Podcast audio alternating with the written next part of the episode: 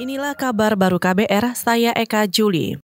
Komisi Perlindungan Anak Indonesia atau KPAI akan menyurati Presiden Joko Widodo terkait keputusan grasi untuk Neil Bentelman, guru di Jakarta International School atau JIS yang juga terpidana untuk kasus pelecehan seksual. Komisioner KPAI Rita Pranawati menyayangkan keputusan grasi dari presiden itu. Saat ini KPAI masih melakukan koordinasi dan pendalaman mengenai kasus ini. Sebenarnya secara umum tentu kita menyayangkan ya adanya gerasi seperti ini.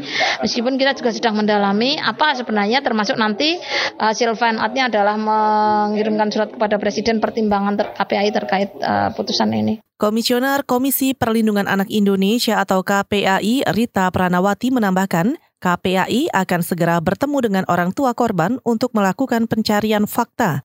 Nantinya, data yang didapatkan akan dipakai sebagai bahan pertimbangan KPAI untuk bersurat kepada Presiden. Sebelumnya, Presiden memberikan grasi kepada terpidana kasus pelecehan seksual pada anak Neil Bentelman. Grasi itu tertuang dalam keputusan Presiden pada Juni 2019. Hukuman bekas guru JIS itu berkurang dari 11 tahun menjadi 5 tahun dan 1 bulan penjara, serta denda 100 juta rupiah. Kepolisian mengungkap aliran dana ke Saifullah, pengendali kelompok jamaah Ansarut Daulah di Indonesia.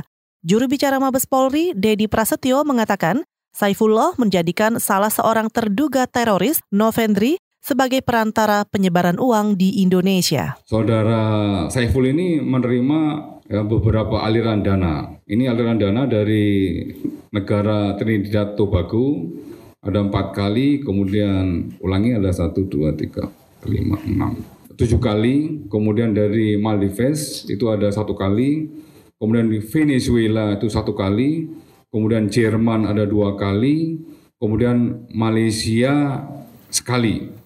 Juru bicara Mabes Polri, Dedi Prasetyo juga menambahkan dua aliran 12 aliran dana itu dikirim pada periode Maret 2016 hingga September 2017 dengan total 413 juta rupiah. Kelompok jamaah Ansarut Daulah ini menggunakan Western Union untuk mengirim dana ke Indonesia. Dedi Prasetyo juga menyebut Saifullah berhubungan dengan sejumlah tokoh ISIS di Khorasan, Afghanistan, termasuk Muhammad Aulia, yang diketahui mengatur seluruh komunikasi perjalanan dan transfer.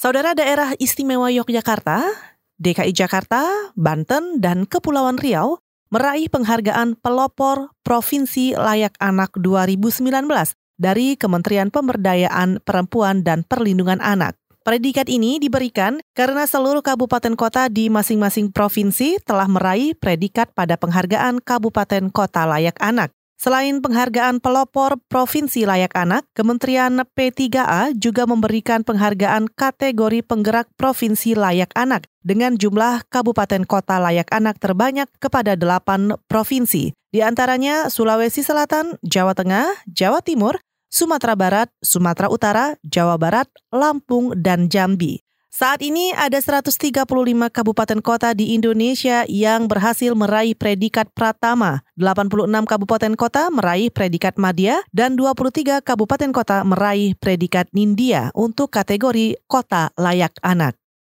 Pegulat gaya bebas asal Uzbekistan, Artur Taimazov, harus kehilangan medali emas yang ia raih di Olimpiade 2012 di London usai terbukti positif menggunakan doping. Mengutip Reuters, Komite Olimpiade Internasional menyatakan juara nomor gulat bebas putra kelas 120 kg di tiga Olimpiade secara beruntun itu terbukti positif menggunakan zat terlarang setelah dilakukan analisa ulang sampel.